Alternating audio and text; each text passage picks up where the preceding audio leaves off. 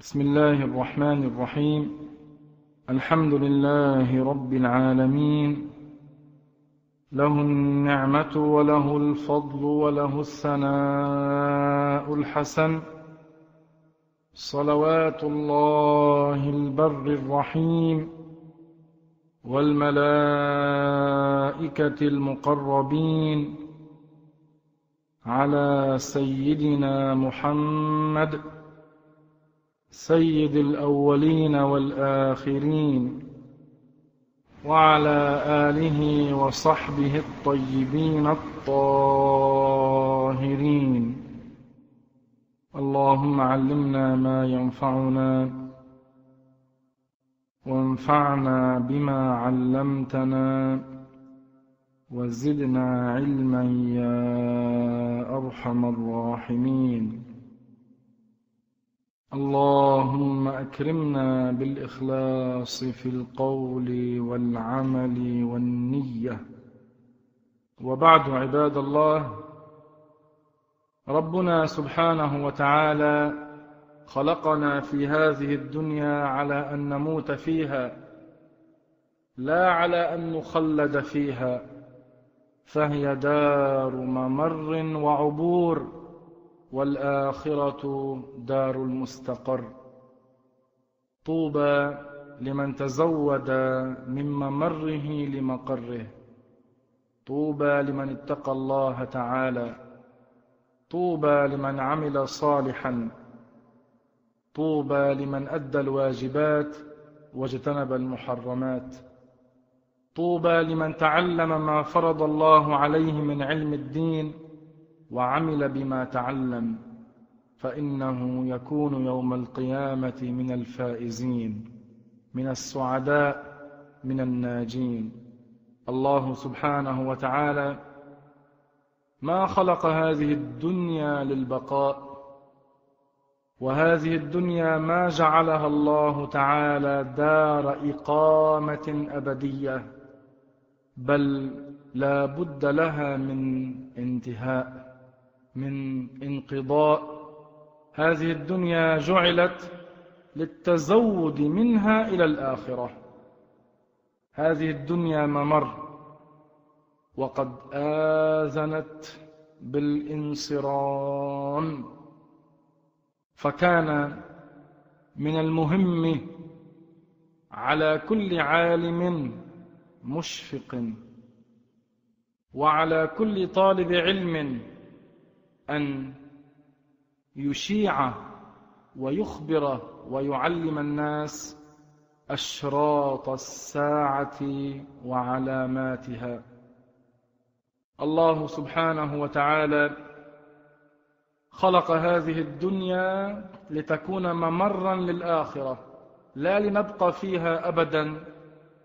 فالعاقل الكيس الفطن الذكي المتدبر هو الذي يتزود من هذه الدنيا لأخراه بخير الزاد بتقوى الله رب العالمين. فالساعة آتية لا ريب فيها ولا بد من بعث وحشر وثواب وعذاب وحساب وإما جنة وإما نار. هذا الأمر لا بد منه.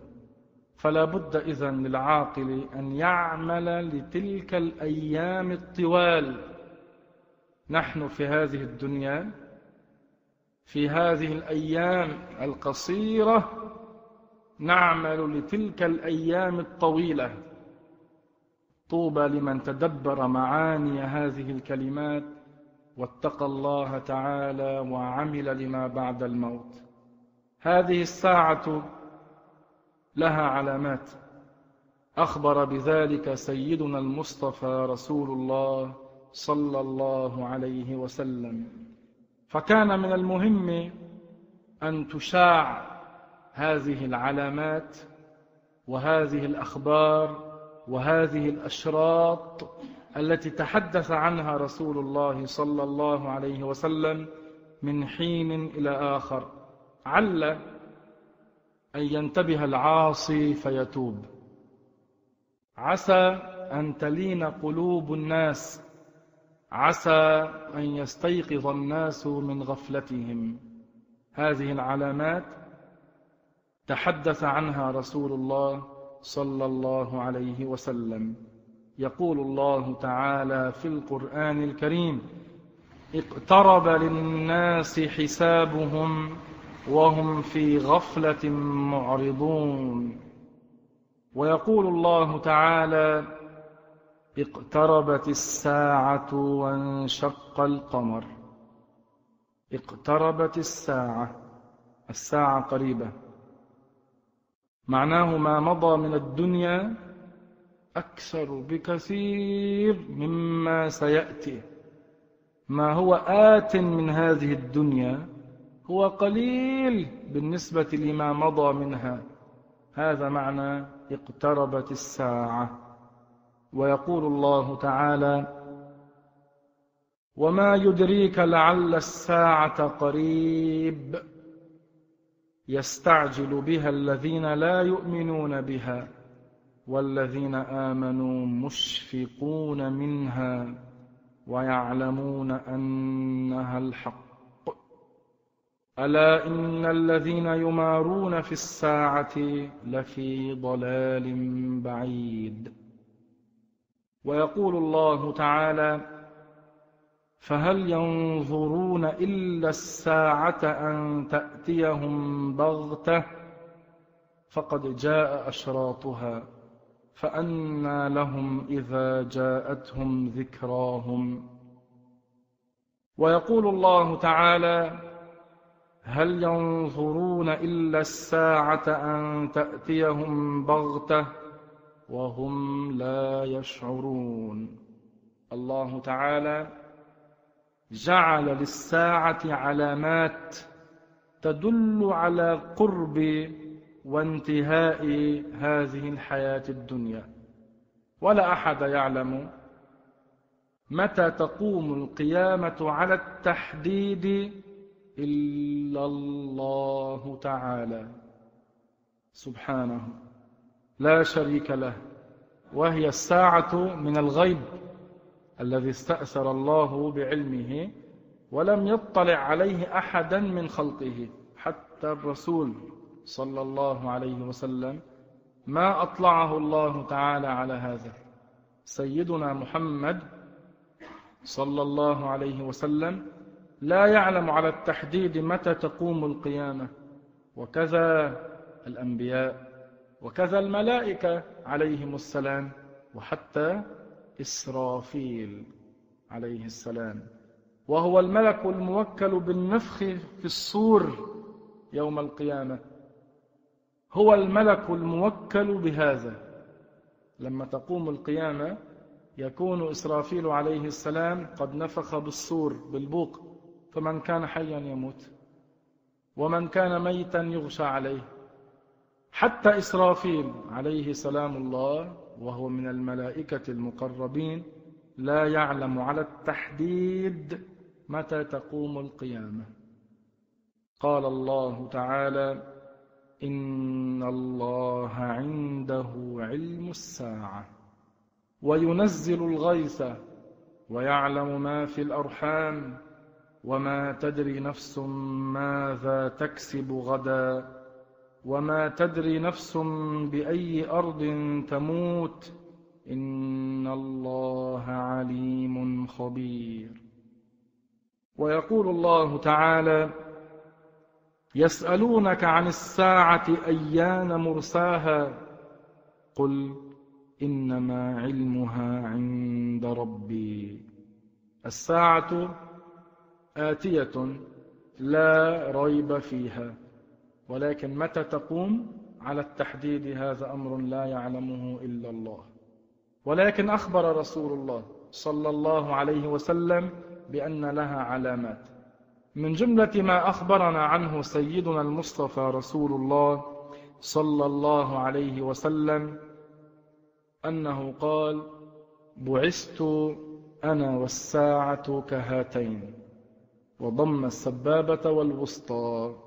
قال بعثت أنا والساعة كهاتين. ضم إصبعه السبابة هذا هو والوسطى ضمهم إلى بعضهم البعض معناه الساعة منا قريبة جدا. هذا معنى كلام النبي صلى الله عليه وسلم. رواه هذا الحديث البخاري ومسلم وغيرهما. وفي الحديث الصحيح كذلك الذي في صحيح مسلم عن عمر بن الخطاب رضي الله عنه قال بينما نحن عند رسول الله صلى الله عليه وسلم ذات يوم إذ طلع علينا رجل شديد بياض الثياب شديد سواد الشعر لا يرى عليه أثر السفر ولا يعرفه منا أحد حتى جلس إلى النبي صلى الله عليه وسلم فأسند ركبتيه إلى ركبتيه ووضع كفيه على فخذيه وقال يا محمد أخبرني عن الإسلام. فقال رسول الله صلى الله عليه وسلم الإسلام أن تشهد أن لا إله إلا الله وأن محمدا رسول الله. وتقيم الصلاة وتؤتي الزكاة وتصوم رمضان وتحج البيت إن استطعت إليه سبيلا. قال صدقت. قال سيدنا عمر فعجبنا له يسأله ويصدقه. قال له فأخبرني عن الإيمان. فقال الرسول أن تؤمن بالله وملائكته وكتبه ورسله واليوم الآخر وتؤمن بالقدر خيره وشره. قال صدقت. قال فأخبرني عن الإحسان. قال أن تعبد الله كأنك تراه. فإن لم تكن تراه فإنه يراك. قال فأخبرني عن الساعة. قال ما المسؤول عنها بأعلم من السائل؟ كلانا لا نعلم. لا أنت السائل ولا أنا المسؤول. كلانا لا نعلم. قال فأخبرني عن أماراتها عن علاماتها. فقال أي الرسول. أن تلد الأمة ربتها وأن ترى الحفاة العراة العالة رعاء الشاء يتطاولون في البنيان. هذه من علاماتها. سنشرح. أن تلد الأمة ربتها سيدتها. هذه عبارة عن كثرة التسري حتى يكثر اتخاذ الإيماء فتلد الأمة ولدا فيكون حرا تابعا لسيدها فيكون هذا الولد الذي هو ولد هذه الأمة كأنه سيد على هذه الأمة. وأن ترى الحفاة العراة العالة رعاء الشاء أن ترى هؤلاء الفقراء الذين كانوا يشتغلون برعاء الغنم. يتطاولون في البنيان. قال سيدنا عمر ثم انطلق. هذا الذي جاء إلى الرسول وسأله انطلق.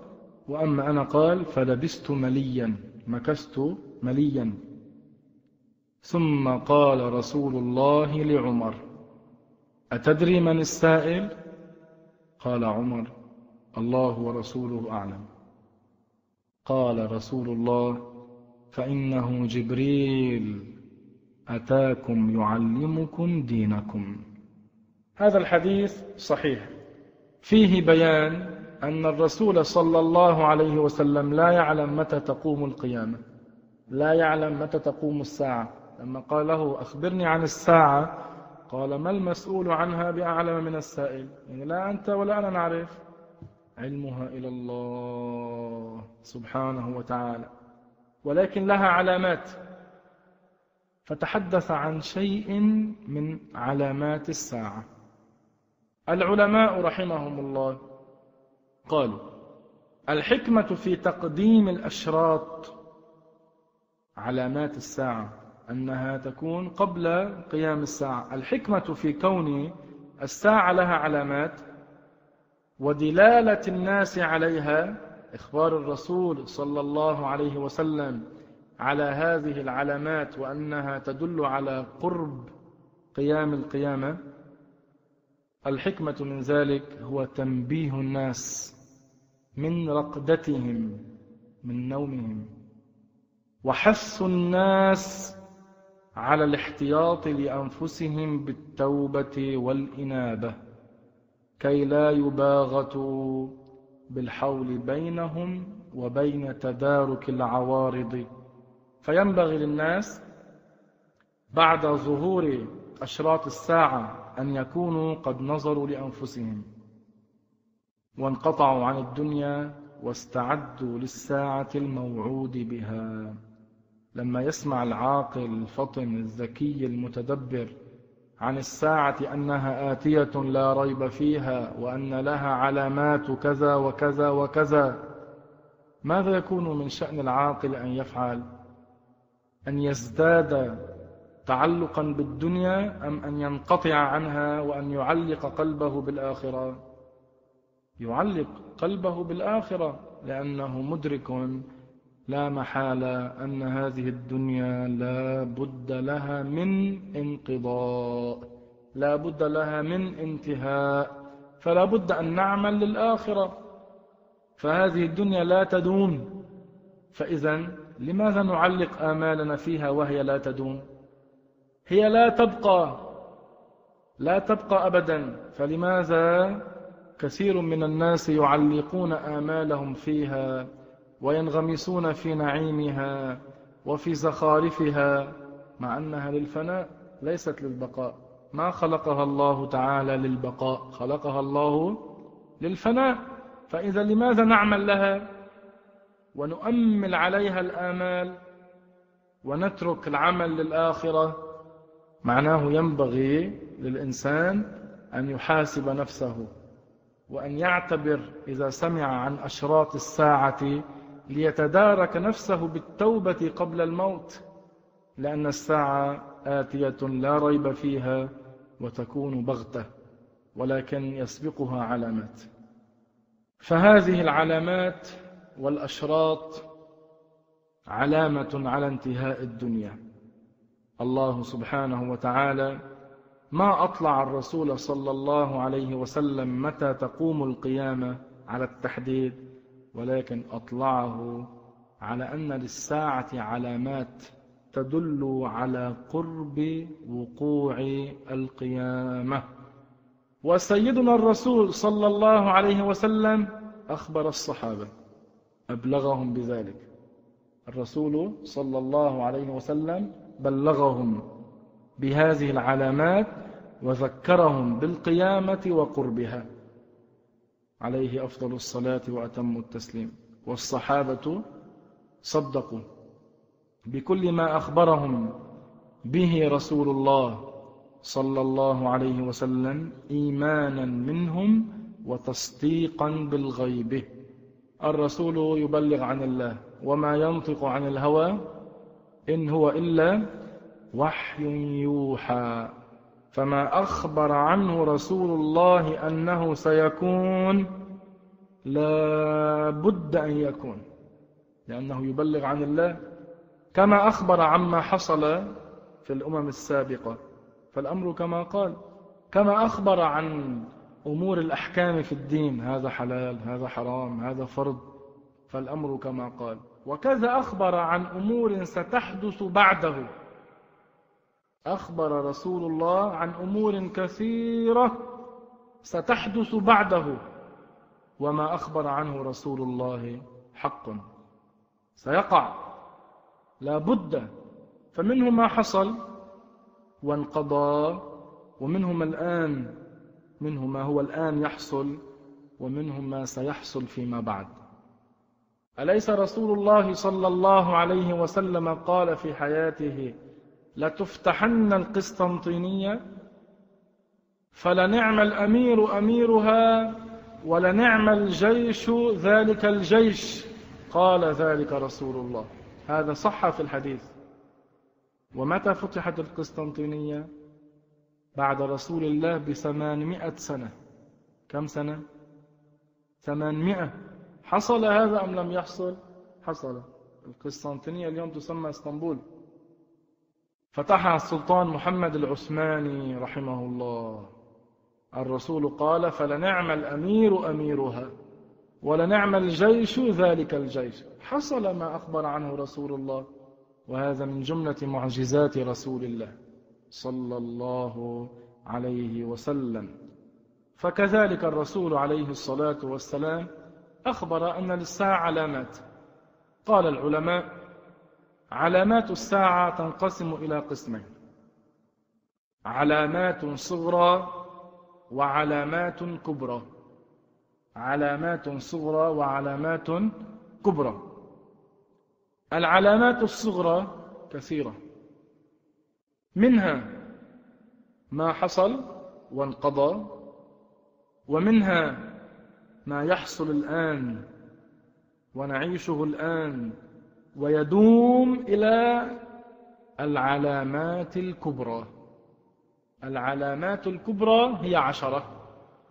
الدجال ونزول عيسى عليه السلام وظهور يأجوج ومأجوج وطلوع الشمس من مغربها وخروج دابة الأرض وهبوب الريح ورفع القرآن من الأرض ونار تخرج من قعر عدن تسوق الناس إلى المحشر وثلاثة خسوف خصف بالمشرق وخسف بالمغرب وخسف في الجزيرة العربية الأرض تبلع من عليها. فإذا العلامات الصغرى منها ما ظهر وانقضى ومنها ما نعيشه نحن الآن. ويبقى ذلك إلى أن تظهر العلامات الكبرى. فإذا هذا مهم أن نعرفه ومهم أن نعرف إذا تكلمنا عن أشراط الساعة من علامات الساعة كذا وكذا. ليس معناه دائما أن حصول هذا الأمر الذي هو من علامات الساعة أنه يكون من المحرمات ليس دائما يكون من المحرمات. واضح؟ إذا قلنا من علامات الساعة أنه سيحصل كذا وكذا. ليس بالضرورة ليس شرطا أن تكون هذه العلامة أن تكون حراما. قد تكون ظهورها هو حرام وقد لا يكون حراما. فإذا لا ينبغي أن نقول كل أشراط الساعة التي تحصل هي حرام. لا. من أشراط الساعة ظهور المهدي. نزول عيسى. فإذا لا نقول عن كل أشراط الساعة حدوثها حرام لكن منها ما هو مذموم كما سيمر معنا منها ما هو لا يذم في شرع الله تعالى. كذلك مما مهم أن نعرفه أنه لا يشترط أن تكون هذه العلامة في كل بقاع الأرض. لما نقول من علامات الساعة كذا وكذا ليس معناه أنه لابد أن تحصل هذه العلامة في كل بلد من بلاد الأرض. هذا ليس شرطا. قد تكون في بلد علامة أو علامات وفي بلد آخر نفس العلامة أو أكثر وفي بلد آخر علامات كثيرة. فإذا يرجع هذا الأمر إلى ما يحصل في الأرض بمجموعها. أن هذا من علامات الساعة كما أخبر سيدنا المصطفى رسول الله صلى الله عليه وسلم. فقد روى الإمام البخاري أن رسول الله صلى الله عليه وسلم قال لا تقوم الساعة حتى تقتتل فئتان عظيمتان يكون بينهما مقتلة عظيمة. دعوتهما واحدة. وحتى يبعث دجالون كذابون قريب من ثلاثين. كلهم يزعم أنه رسول الله. وحتى يقبض العلم وتكسر الزلازل. ويتقارب الزمان وتظهر الفتن ويكثر الهرج وهو القتل. وحتى يكثر فيكم المال فيفيض حتى يهم رب المال. صاحبه من يقبل صدقته وحتى يعرضه عليه فيقول فيقول الذي يعرضه عليه لا أرب لي به. وحتى يتطاول الناس في البنيان وحتى يمر الرجل بقبر الرجل فيقول يا ليتني مكانه. وحتى تطلع الشمس من مغربها فإذا طلعت ورآها الناس يعني آمنوا أجمعون فذلك حين تلا الآية الكريمة لا ينفع نفسا إيمانها لم تكن آمنت من قبل أو كسبت في إيمانها خيرا. لما تطلع الشمس من المغرب لا تقبل التوبة. تكملة الحديث. ولا تقومن الساعة وقد نشر الرجلان ثوبهما بينهما. فلا يتبايعانه ولا يطويانه ولا تقومن الساعة وقد انصرف الرجل بلبن لقحته فلا يطعمه ولا تقومن الساعة وهو يليط حوضه يصلحه فلا يسقي فيه ولا تقومن الساعة وقد رفع أكلته إلى فيه فلا يطعمها. هذا الحديث رواه الإمام أبو عبد الله البخاري. إن شاء الله نتمكن من حل ألفاظ هذا الحديث. هذه المذكورات مما أخبر صلى الله عليه وسلم بأنها ستقع بأنها ستحصل. فهذا الذي تحدث عنه رسول الله صلى الله عليه وسلم في هذا الحديث منه ما هو حصل. منه ما هو حصل ومنه ما يحصل الآن ومنه ما سيحصل في المستقبل واضح؟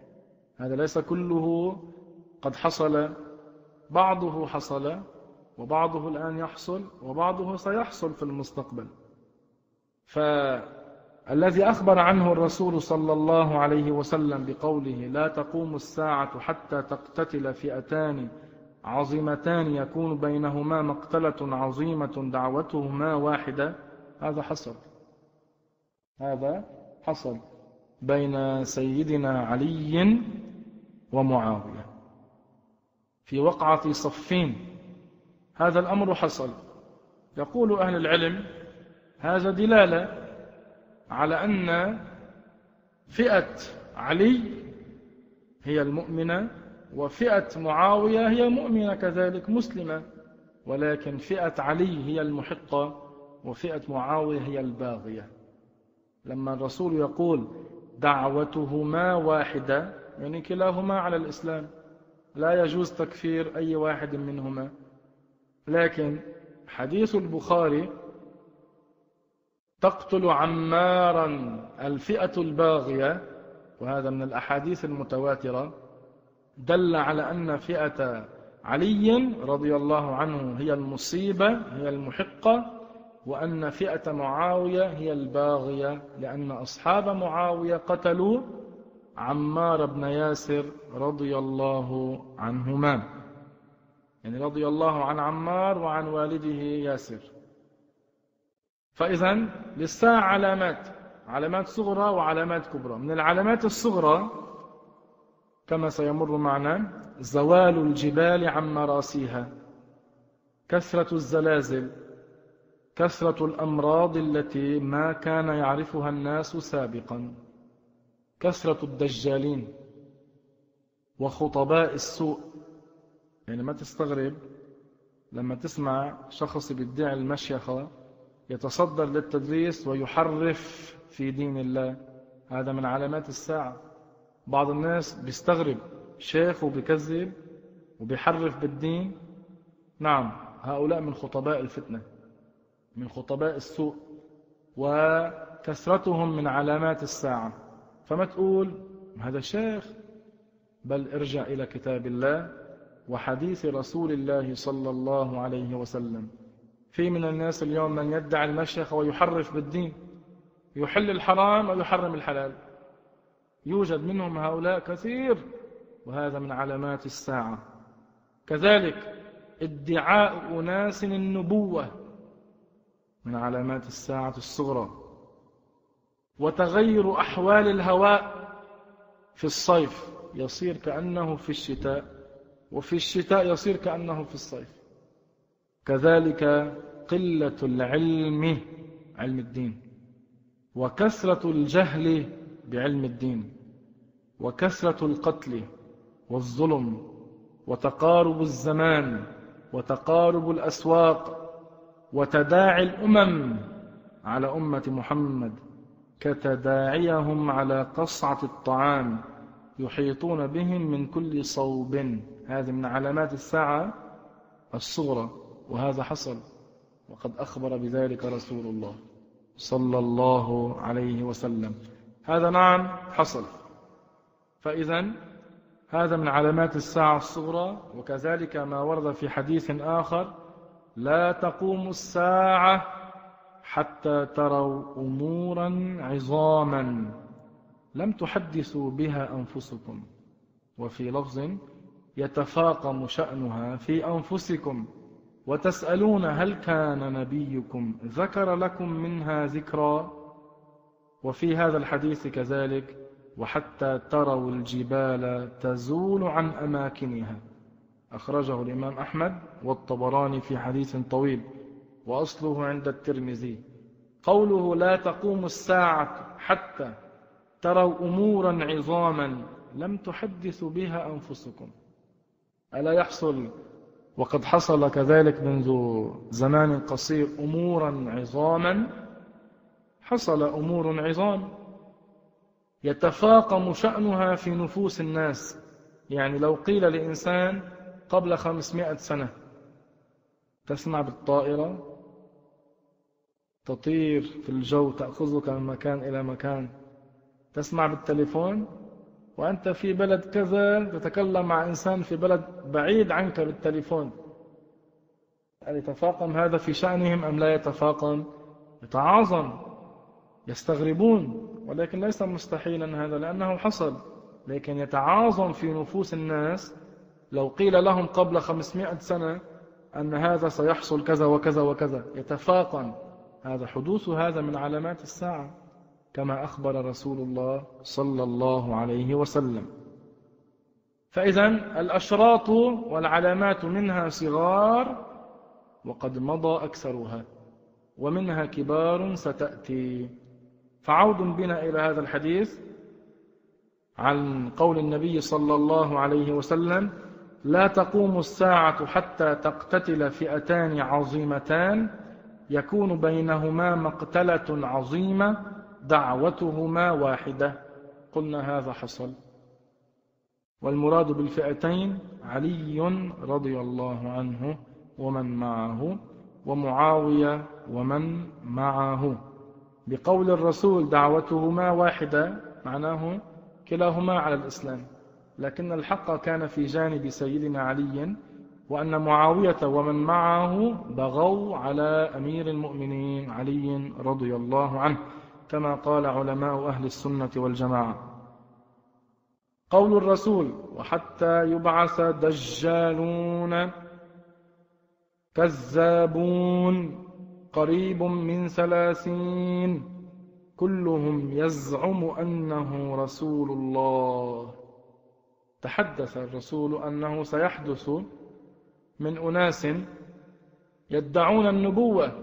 كل عن نفسه يقول أنا رسول الله وهم كذابون دجالون. وهذا حصل في أيام رسول الله في حياة رسول الله حصل. من بعضهم أنه ادعى النبوة وحصل كذلك بعد وفاة الرسول في أيام الصحابة وحصل بعدهم وإلى الآن أناس كذابون دجالون كل يزعم أنه رسول الله والعياذ بالله. وحتى يقبض العلم وتكسر الزلازل معناه حتى يقل العلم كما هو واضح على مرأى من أعين الناس قل العلم الشرعي بين الناس. هذا واضح. صدق رسول الله صلى الله عليه وسلم. وأما قوله وتكسر الزلازل فهذا حصل منه الكثير وما زال يحصل. وإلى الآن حصل في الماضي في بعض البلدان زلازل كثيرة. وحصل في الماضي القريب ويحصل في أيامنا هذه زلازل وسيحصل أيضا زلازل. فالمراد بهذا الحديث بكثرة الزلازل شمولها ودوامها إلى قيام الساعة إلى أن تأتي العلامات الكبرى. وفي حديث آخر يقول الرسول عليه الصلاة والسلام تكسر الصواعق عند اقتراب الساعة. وأما قوله صلى الله عليه وسلم ويتقارب الزمان وتظهر الفتن ويكسر الهرج وهو القتل يتقارب الزمان معناه المراد بذلك يقصر لعدم البركة فيه كما هو الملاحظ. أن اليوم مثلا يصير الانتفاع به بقدر الانتفاع بالساعة الواحدة تقل البركة. فيرى الناس أن الزمان يتقارب بسبب كثرة الفتن كثرة الجهل كثرة المعاصي وترك العلوم الدينية والانغماس في المحرمات. ما عاد يرى الإنسان في يومه إلا من البركة الشيء القليل. ما عاد يرى من البركة إلا الشيء القليل. تقل هذا معنى يتقارب الزمان. تشعر بأن النهار يمضي بسرعة بل الأسبوع يمضي بسرعة بل الشهر يمضي بسرعة بل السنة تمضي بسرعة. هذا مما أخبر عنه رسول الله صلى الله عليه وسلم. وتظهر الفتن على أنواع كثير من الفتن قد ظهرت وكذلك الهرج وهو القتل يكثر بين الناس. كما نسمع وتسمعون. هذا مما أخبر عنه رسول الله صلى الله عليه وسلم. وأما قوله عليه الصلاة والسلام وحتى يكثر فيكم المال هنا قوله وحتى يكثر فيكم يخاطب من؟ أصحابه من يخاطب؟ أصحابه فبالفعل حصلت إفاضة حصل إفاضة للمال على يد صحابة رسول الله صلى الله عليه وسلم.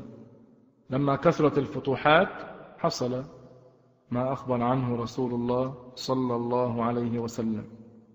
أما قوله حتى يهم رب المال من يقبل صدقته معناه هذا حصل في أيام عمر بن عبد العزيز. من كثرة العدل والرخاء الذي حصل صار الإنسان يدور بين الناس يقول عند من أضع صدقتي؟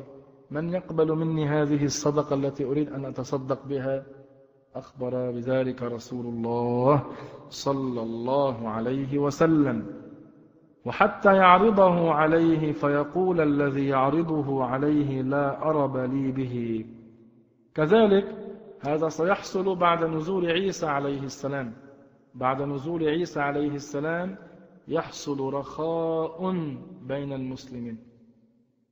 حتى إن الأرض تخرج ما في جوفها من ذهب وجواهر ولآلئ من غير حفر.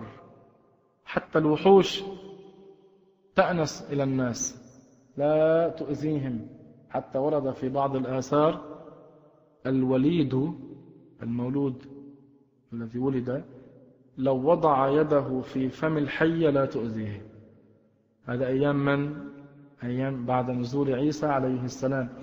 فيصير الناس المسلمون كلهم في غنى. كذلك لا يجد الواحد منهم أين يضع صدقته. ولو عرضها على آخر يقول لا حاجة لي فيها. وأما قوله صلى الله عليه وسلم وحتى يتطاول الناس في البنيان. هذا أخبر عنه رسول الله وهذا حصل. وما زال يحصل إلى الآن. يتطاول الناس في البنيان وما زالوا يتطاولون في البنيان. حتى إن كثيرا من هؤلاء يتفاخرون ليقال عنهم بناء أطول من بناء فلان بناء أفخم من بناء فلان. هذا حصل. وما زال يحصل. وأما قوله صلى الله عليه وسلم وحتى يمر الرجل بقبر الرجل فيقول يا ليتني مكانه معناه يأتي وقت تشتد فيها الفتن. فيقول الرجل الذي يمر على قبر أخيه يقول يا ليتني أنا مكانه يعني يا ليتني مت قبل ذلك قبل أن أرى هذه الفتن ودفنت من كثرة ما يحصل من فتن فيخاف المسلم على نفسه أن ينغمس في المحرمات. وحتى تطلع الشمس من مغربها. فإذا طلعت ورآها الناس يعني آمنوا أجمعون فذلك حين لا ينفع نفسا إيمانها لم تكن آمنت من قبل أو كسبت في إيمانها خيرا. وهذا ما سنشرحه إن شاء الله في دروس لاحقة. وهذا من علامات الساعة الكبرى أن الشمس تطلع من المغرب فحينئذ لا تقبل التوبة. أما قول الرسول صلى الله عليه وسلم ولتقومن الساعة وقد نشر الرجلان ثوبهما بينهما فلا يتبايعانه ولا يطويانه. هذا بعد عيسى بزمان طويل بعد أن تأتي ريح طيبة تدخل في إبط كل مسلم فتقبض أرواحهم ولا يبقى يوم ذاك إلا شرار الناس. ليس فيهم من يقول يا الله. ليس فيهم من يقول الله. أخبر الرسول بينما الناس منشغلون بأمور دنياهم يفاجئهم إسرافيل بالنفخ بالصور بقيام القيامة. أخبر الرسول أنه لتقومن الساعة. وقد نشر الرجلان ثوبهما بينهما. فلا يتبايعانه ولا يطويانه. يعني بينما الناس في تلك الأيام التي ستأتي فيما بعد يريدون البيع والشراء فيضع أحدهما ثوبه بينه وبين إنسان آخر يريد أن يبيعه هذا الثوب. فلا يحصل بيع ولا يلحق أن يطوي ثوبه فتقوم القيامة عليهم. ولا تقومن الساعة وقد انصرف الرجل بلبن لقحته فلا يطعمه ولا تقومن الساعة وهو يليط حوضه فلا يسقي فيه. كذلك أخبر الرسول صلى الله عليه وسلم بينما الشخص يصلح حوض إبله الحوض الذي فيه ماء يشرب منه الإبل بينما هو يصلحه تقوم عليه القيامة. هذا مما أخبر عنه الرسول سيحدث فيما بعد علامة على أنهم تركوا الدين وانشغلوا بالدنيا وأنهم شرار الناس فيفاجئهم الملك إسرافيل بالنفخ بالصور. ولا تقومن الساعة وقد رفع أكلته يعني لقمته إلى فيه فلا يطعمها. يعني بينما الناس عم تاكل وضع اللقمة في فمه بعد ما بلعها ولا لحق يبزقها لبرا تقوم عليهم القيامة. هذا ما أخبر عنه سيدنا المصطفى رسول الله صلى الله عليه وسلم. وفي حديث آخر يقول عليه الصلاة والسلام وهذا في البخاري أعدد ستا يخاطب صحابيا يقال له عوف بن مالك اعدد ستا بين يدي الساعة. موتي موت الرسول. ثم فتح بيت المقدس. أليس هذا حصل؟ حصل أيام عمر. ثم موتان. يعني كما في رواية أخرى موتتان. يأخذ فيكم كقعاص الغنم. قعاص الغنم هذا داء مرض يأخذ الدواب يأتي على الدواب فيسيل من أنوفها شيء فتموت فجأة. وهذا حصل في أيام عمر لما حصل الطاعون. ثم استفاضة المال. حصل أنه صار استفاضة في المال. حتى يعطى الرجل مئة دينار فيظل ساخطا. هذا حدث ما أخبر عنه رسول الله. ثم فتنة لا يبقى بيت من العرب إلا دخلت. فتن. ثم هدنة. صلح. تكون بينكم وبين بني الأصفر الروم. فيغدرون فيأتونكم تحت ثمانين غاية ثمانين راية. تحت كل غاية اثنا عشر ألفا. هذا مما سيحدث كما أخبر عنه رسول الله صلى الله عليه وسلم. وفي حديث آخر لا تقوم الساعة حتى تأخذ أمتي بأخذ القرون قبلها شبرا بشبر وزراعا بزراع قيل يا رسول الله كفارس والروم؟ قال ومن الناس إلا أولئك؟ رواه البخاري. أخبر الرسول أن الساعة لا تقوم حتى تأخذ أمة الرسول يعني تسلك بسيرة القرون التي قبلها. كما هو الملاحظ اليوم كثير من أفراد الأمة يتتبعون عادات غير المسلمين ويتشبهون بهم. صدق رسول الله صلى الله عليه وسلم. وفي حديث أخرجه الطبراني لا تقوم الساعة حتى يظهر الفحش والبخل ويخون الأمين ويؤتمن الخائن وتهلك الوعول وتظهر التحوت. قالوا يا رسول الله وما التحوت والوعول؟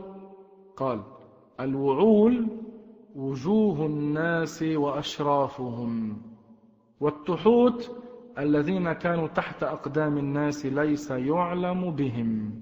يعني من علامات الساعة أن يظهر الفحش والبخل ويخون الأمين ويؤتمن الخائن وتهلك الوعول. أشراف الناس أفاضل الناس تهلك. وتظهر التحوت. أرازل الناس تظهر. أرازل الناس يظهرون. تراهم زعماء على الناس اليوم. وفي حديث رواه الترمذي والإمام أحمد لا تقوم الساعة حتى يتقارب الزمان فتكون السنة كالشهر والشهر كالجمعة والجمعة كاليوم. ويكون اليوم كالساعة وتكون الساعة كاحتراق السعفة. الجريدة النخلة تحترق بسرعة ولا لا؟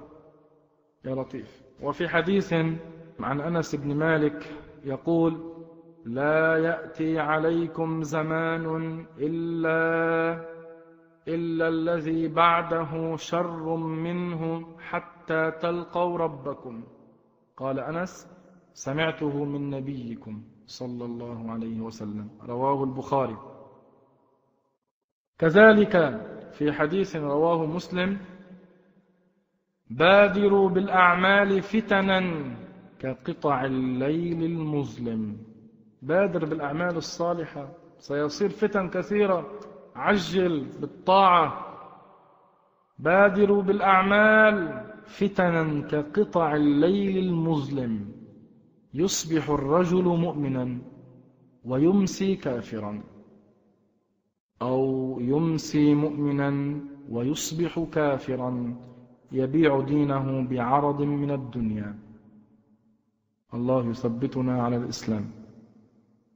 وفي حديث صحيح أيضا رواه مسلم يقول النبي صلى الله عليه وسلم إنه لم يكن نبي قبلي إلا كان حقا عليه أن يدل أمته على خير ما يعلمه لهم وينذرهم شر ما يعلمه لهم.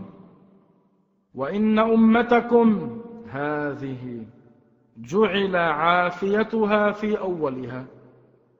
وسيصيب آخرها بلاء وأمور تنكرونها وتجيء فتنة فيرقق بعضها بعضا وتجيء الفتنة فيقول المؤمن هذه مهلكتي ثم تنكشف وتجيء الفتنة فيقول المؤمن هذه هذه يعني هذه التي ستهلكني. فمن أحب أن يزحزح عن النار ويدخل الجنة فلتأته منيته وهو يؤمن بالله واليوم الآخر. وليأت إلى الناس الذي يحب أن يؤتى إليه. ومن بايع إماما فأعطاه صفقة يده. وثمرة قلبه فليطعه إن استطاع. فإن جاء آخر ينازعه فاضربوا عنق الآخر. هذا ما أخبر عنه رسول الله صلى الله عليه وسلم. معناه ستأتي فتن كثيرة. فأنتم اثبتوا على طاعة الله. فمن أراد وأحب أن يزحزح عن النار وأن يدخل الجنة فلتأته وفاته. وهو يؤمن بالله واليوم الآخر. وليأتي إلى الناس بما يحب أن يؤتى إليه فليعامل الناس كما يحب هو أن يعامله الناس. يعني مهما حصل من فتن أنتم اثبتوا على طاعة الله. وفي حديث رواه البخاري أن الرسول صلى الله عليه وسلم قال يتقارب الزمان وينقص العمل. ويلقى الشح شدة البخل وتظهر الفتن ويكثر الهرج. قالوا يا رسول الله أيما هو؟ قال القتل القتل. الهرج ما هو؟ القتل. وفي حديث آخر رواه البخاري يقول رسول الله إن من أشراط الساعة أن يرفع العلم ويكثر الجهل. ويكثر الزنا ويكثر شرب الخمر ويقل الرجال. بسبب كثرة الحروب بتقل الرجال. ويكثر النساء يطلع النساء عددهم أكثر من الرجال. حتى يكون لخمسين امرأة القيم الواحد. في البخاري يعني هيجي وقت من كثرة النساء وقلة الرجال خمسين امرأة أو قريب من خمسين تكون تحت قيم واحد يعني تحت رجل واحد هو بيرعاهم هو بيكفلهم. مش معناته أنه بيتزوج خمسين؟ ليس معناه يجوز له أن يتزوج خمسين. معناه بيكون خمسين امرأة بيكونوا تحت رعاية رجل واحد من كثرة النساء وقلة الرجال. ليس معناه أنه جائز في آخر الزمان يتزوج الإنسان خمسين؟ لا. وفي حديث رواه البخاري. أن أعرابيا قال للرسول متى الساعة؟ فقال رسول الله فإذا ضيعت الأمانة فانتظر الساعة. قال كيف إضاعتها؟ قال إذا وسد الأمر إلى غير أهله فانتظر الساعة. رواه البخاري. صدق رسول الله. في حديث رواه البخاري عنه سيحدث فتن وحدث منها الكثير أن الرسول قال اللهم بارك لنا في شامنا وفي يمننا. قالوا وفي نجدنا؟ قال اللهم بارك لنا في شامنا وفي يمننا. قالوا وفي نجدنا؟ قال الرسول هناك الزلازل والفتن وبها يطلع قرن الشيطان. رواه البخاري. حدث ما أخبر عنه الرسول. بها يطلع قرن الشيطان يعني من نجد الحجاز من الدرعي وأمثالها حيث خرج محمد بن عبد الوهاب كما أخبر رسول الله. هناك الفتن.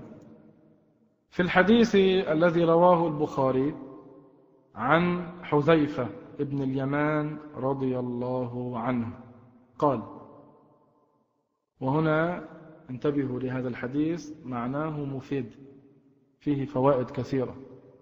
قال كان الناس يسألون رسول الله عن الخير وكنت أسأله عن الشر مخافة أن يدركني فقلت يا رسول الله إنا كنا في جاهلية وشر فجاءنا الله بهذا الخير فهل بعد هذا الخير من شر؟ قال رسول الله نعم قلت وهل بعد ذلك الشر من خير؟ قال نعم وفيه دخن قلت وما دخنه قال قوم يهدون بغير هدي. تعرف منهم وتنكر. قلت فهل بعد ذلك الخير من شر؟ قال نعم. دعاة إلى أبواب جهنم. من أجابهم إليها قذفوه فيها. قلت يا رسول الله صفهم لنا. فقال هم من جلدتنا. ويتكلمون بألسنتنا. إلى آخر الحديث. هذا حصل. أناس يدعون المشيخة يدعون الإسلام يدعون العمل الإسلامي ويحرفون ما جاء به محمد رسول الله صلى الله عليه وسلم. خطباء الفتنة دعاة على أبواب جهنم. من استجاب لهم قذفوه فيها. وفي حديث رواه البخاري يأتي على الناس زمان لا يبالي المرء ما أخذ منه. أمن الحلال أم من الحرام؟ رواه البخاري. مثل الأيام لا يسألون عن المال من حرام أم من حلال. المهم أن يحصلوا على المال. صدق رسول الله. قال عليه الصلاة والسلام فوالله لا الفقر أخشى عليكم ولكن أخشى عليكم أن تبسط عليكم الدنيا كما بسطت على من كان قبلكم. فتنافسوها كما تنافسوها وتهلككم كما أهلكتهم. رواه البخاري ومسلم. قال لا الفقر أخشى عليكم. ما الذي يخشاه؟ قال ولكن أخشى عليكم أن تبسط عليكم الدنيا. سبحان الله. وفي حديث آخر رواه مسلم أن الرسول صلى الله عليه وسلم جاءه جبريل أيضا عليه السلام فسأله عن الساعة. نفس الحادثة ولكن رواية أخرى. فقال له متى الساعة؟ قال ما المسؤول عنها بأعلم من السائل. ولكن سأحدثك عن أشراطها. إذا ولدت الأمة ربها يعني سيدها فذاك من أشراطها. وإذا كانت العراة الحفاة رؤوس الناس فذلك من أشراطها. وإذا تطاول رعاء البهم البهم أولاد الضأن في البنيان فذاك من أشراطها. إلى آخر هذا الحديث. وفي حديث رواه الترمذي والإمام أحمد وغيرهما يقول رسول الله صلى الله عليه وسلم لا تقوم الساعة حتى يكون أسعد الناس بالدنيا لكع ابن لكع اللئيم ابن اللئيم الأحمق ابن الأحمق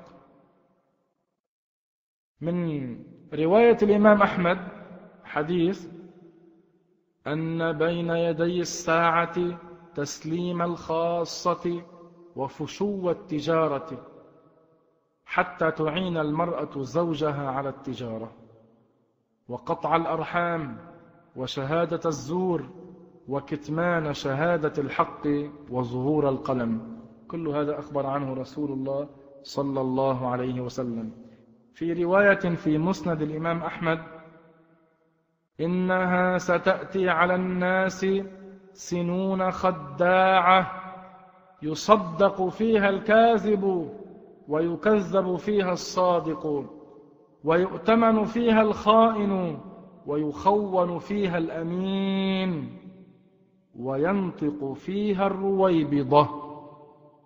قيل وما الرويبضة؟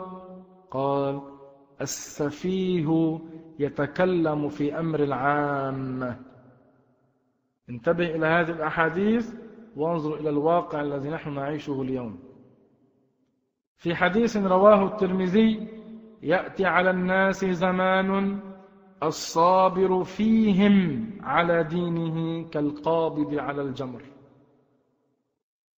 وفي حديث آخر ويل للعرب من شر قد اقترب فتنا كقطع الليل المظلم.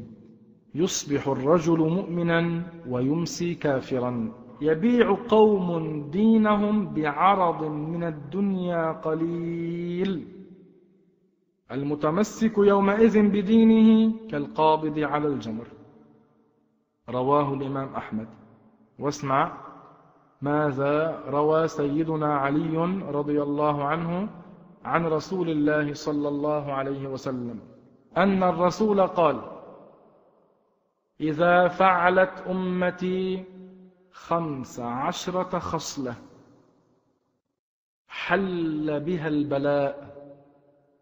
فقيل وما هن يا رسول الله؟ قال إذا كان المغنم دولا والأمانة مغنما والزكاة مغرما. إذا كان المغنم دولا معناه صار يتداول به أناس دون أناس يوزع بعضهم هذا المال على أناس دون آخرين. والأمانة مغنما صار صاحب الأمانة إذا وضعت عنده الأمانة بيأكلها يذهب بالأمانة ما برجعها صار بيعتبر الأمانة مغنم. إنه أنت حطيت عنده أمانة اكتسبها صارت مغنم لأله بيعتبرها غنيمة. والزكاة مغرما. يعني صاحب المال يرى إذا أخرج زكاته كأنه هذه غرام عم يغرمها. يعني يشق عليه أن يدفع الزكاة. نكمل الحديث. إذا كان المغنم دولا في رواية إذا اتخذ الفيء دولا. والأمانة مغنما. والزكاة مغرما وأطاع الرجل زوجته وعق أمه وبر صديقه وجفى أباه. وارتفعت الأصوات في المساجد وكان زعيم القوم أرزلهم. وأكرم الرجل مخافة شره. وشربت الخمور ولبس الحرير. واتخذت القينات والمعازف ولعن آخر هذه الأمة أولها. فليرتقبوا عند ذلك ريحا حمراء أو خسفا ومسخا. رواه الترمذي.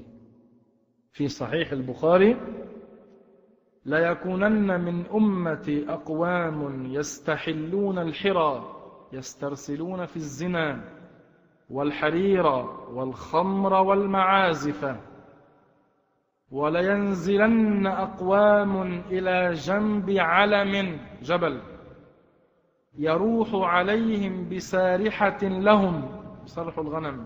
يأتيهم يعني الفقير لحاجة فيقولون ارجع إلينا غدا. فيبيتهم الله ويضع العلم ويمسخ آخرين قردة وخنازير إلى يوم القيامة. رواه البخاري. في آخر درسنا اليوم نتكلم عن أمر عظيم أخبر عنه رسول الله صلى الله عليه وسلم أنه سيحدث أنه سيحصل وهو ظهور المهدي المنتظر. إن شاء الله نشرح اليوم عنه شيئا باختصار. وإن شاء الله نكمل عن العلامات الكبرى في درس آخر. هذا المهدي المنتظر أخبر عنه رسول الله أنه لا بد أن يظهر. فنؤمن بذلك ونصدق. المحدثون كلهم متفقون على صحة حديث خروج المهدي. الحافظ ابن حجر من حفاظ الحديث قال عن حديث خروج المهدي حديث ثابت. الحافظ السيوطي كذلك بل قال الحافظ السيوطي عنه متواتر تواترا معنويا. أكثر الأئمة الذين ألفوا في هذا الحديث أو خلق كثير من العلماء وضعوا ترجمة لخروج المهدي بل بعض العلماء أفردوا تآليفا خاصة بأخبار المهدي. فمن نسمع عنه أو منه يطعن بأحاديث خروج المهدي نقول له لا عبرة بك لأنك لست من المحدثين. علماء الحديث أثبتوا ذلك. عدد من روى حديث الخروج المهدي 38 شخص. 33 منهم من الصحابة وخمسة من التابعين. فلذلك قال السيوطي متواتر تواترا معنويا. سنذكر بعض الأحاديث. عن أبي سعيد وجابر بن عبد الله قال قال رسول الله صلى الله عليه وسلم يكون في آخر الزمان خليفة يقسم المال ولا يعده. رواه مسلم في الصحيح.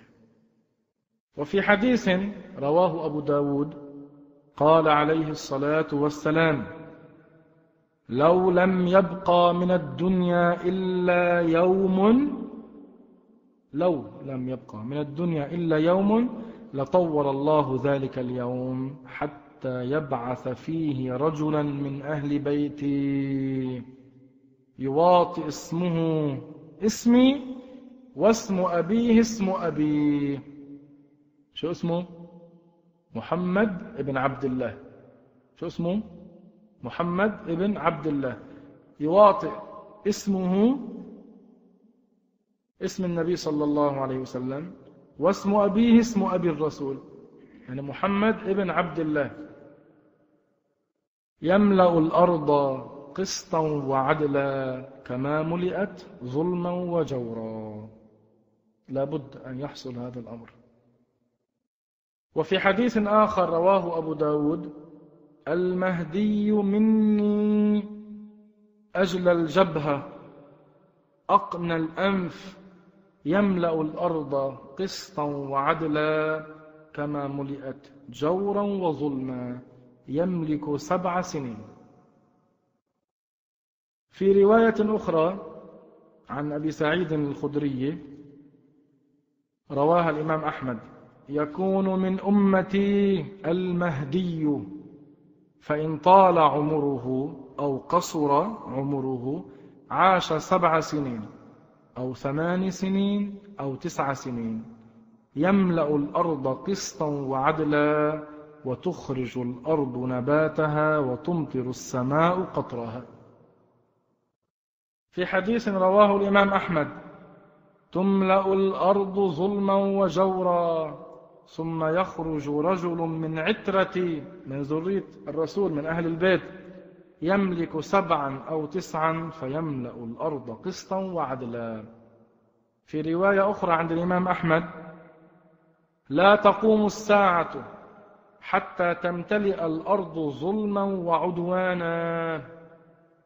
ثم يخرج رجل من عترتي أو من أهل بيتي يملأها قسطا وعدلا كما ملئت ظلما وعدوانا.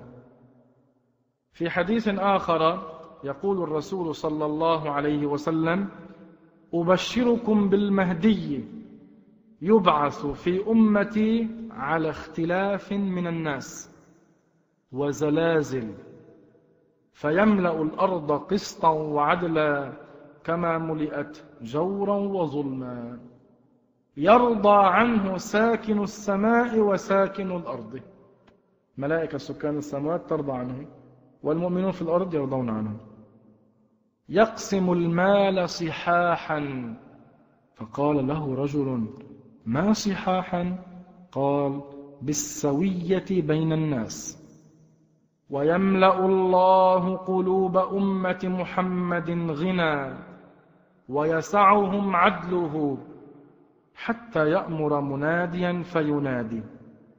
فيقول من له في مال حاجة؟ الرسول يخبرنا صلى الله عليه وسلم أن هذا سيحدث أيام المهدي. يأمر المهدي مناديا ينادي بين الناس من يريد مال؟ من يحتاج للمال؟ فما يقوم من الناس إلا رجل. هذا يخبر عنه رسول الله والرسول صادق صلى الله عليه وسلم. فما يقوم من الناس إلا رجل فيقول ائت السدان الخازن فقل له إن المهدي يأمرك أن تعطيني مالا. فيقول له احسي حتى إذا جعله في حجره وأبرزه ندم فيقول كنت أجشع أمة محمد نفسا أو عجز عني ما وسعهم. قال فيرده فلا يقبل منه. فيقال له إنا لا نأخذ شيئا أعطيناه. الرسول يتحدث سيحدث هذا الأمر؟ أن المهدي يتكلم في بين الناس. يأمر مناديا من له حاجة في مال؟ الناس كلهم يسكتون لا يريدون إلا واحد يقول يقول أنا أريد فيقول له المهدي اذهب إلى الخازن الذي عنده المال. قل له المهدي أرسلني إليك وأعطني المال. فيعطيه فلما يصير المال بيديه هذا الرجل يفكر يقول الكل ما أحد طالب بالمال إلا أنا معناه أنا عندي جشع بالمال خذوا المال لا أريده. يريد أن يرجعه. فيقال له لا نأخذ شيئا أعطيناه. من كثرة ما يصير في عدل يعني. فيكون كذلك سبع سنين أو ثمان سنين أو تسع سنين كما أخبر الرسول صلى الله عليه وسلم. وفي حديث آخر إن في أمة المهدية يخرج يعيش خمسا أو سبعا أو تسعا. لما نتكلم بالحديث خمسا أو سبعا أو تسعا هذا ليس الشك من رسول الله. الرسول يبلغ عن الله. لكن يكون الشك من الراوي. الراوي الذي سمع ما حفظ تماما قال خمسا أم سبعا أم تسعا. فيقول الراوي خمسا أو سبعا أو تسعا. أما الرسول هو يتكلم من غير شك. صلى الله عليه وسلم. يبلغ عن الله. يعني تسع سنين. فيجيء إليه رجل فيقول يا مهدي أعطني أعطني فيحثي له في ثوبه ما استطاع أن يحمله. هذا رواه الترمذي وقال حديث حسن. يعني بأكد ما سبق أن ذكرناه. في حديث رواه ابن ماجه يقول الرسول يكون في أمة المهدي إن قصر فسبع وإلا فتسع فتنعم فيه أمة نعمة لم ينعم مثلها قط. تؤتى أكلها ولا تدخر منهم شيئا والمال يومئذ كدوس. فيقوم الرجل فيقول يا مهدي أعطني فيقول خذ. رواه ابن ماجه. يعني بيعطي الناس المال. اسمعوا إلى هذا الحديث الذي رواه أبو سعيد الخدري عن رسول الله.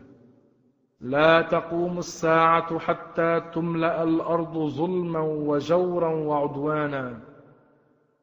ثم يخرج من أهل بيتي من يملأها قسطا وعدلا كما ملئ ظلما وعدوانا. هذا الحديث من رواه؟ رواه الحاكم. وقال هذا حديث صحيح على شرط الشيخين البخاري ومسلم. وأقره على ذلك الذهبي. وهذا حديث صحيح أيضا صححه الحافظ ابن حبان. قال رسول الله صلى الله عليه وسلم لا تقوم الساعة حتى يملك رجل من أهل بيتي. يواطئ اسمه اسمي واسم أبيه اسم أبي. يملأ الأرض قسطا وعدلا كما ملئت ظلما وجورا. أحاديث كثيرة لا يسعنا المقام أن نذكرها كلها لكن نؤمن بكل يقين أنه كما أخبر رسول الله لا تقوم الساعة حتى يظهر هذا الرجل من أهل بيت النبي صلى الله عليه وسلم هذا المهدي واسمه محمد ابن عبد الله. ليس كما يقول بعض الناس اسمه محمد ابن الحسن العسكري هذا غير صحيح اسمه محمد ابن عبد الله. وليس صحيحا ما يقوله بعض الناس دخل عن غارة من أكثر من مئات السنين ناطر الفرج لا يطلع. إنما كما أخبر الرسول نتكلم صلى الله عليه وسلم. فالوارد من الآثار في خبر المهدي نلخصه لكم حتى لا نطيل عليكم في آخر هذا الدرس. اسمه محمد بن عبد الله وهو من ذرية رسول الله من ولد علي وفاطمة. إما من ذرية الحسن أو من ذرية الحسين وورد في الأثر كذلك أنه في أول أمره يسير معه ملك ينادي يا أيها الناس هذا خليفة الله المهدي فاتبعوه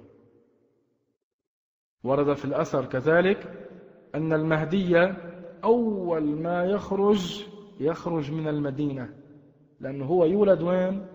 في المدينة المنورة من أهل المدينة هو ثم يأتي إلى مكة.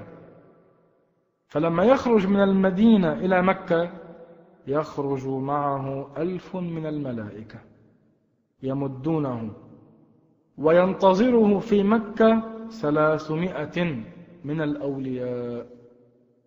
هم أول من يبايعوه. ثم يخرج جيش لغزوه. يخرج جيش يريد أن يغزو المهدي يريد أن يحارب المهدي فيخسف الله به الأرض. فيما بين مكة والمدينة. جيش يتوجه نحو مكة. قبل أن يدخلها يخسف الله بهم الأرض. بعد ذلك يأتي المهدي إلى بر الشام. من حيث الخلقة ورد في الآثار أن المهدي أسمر وجهه أسمر. منه سمرة شديدة؟ لا. أسمر ووجهه كالكوكب الدري في الحسن.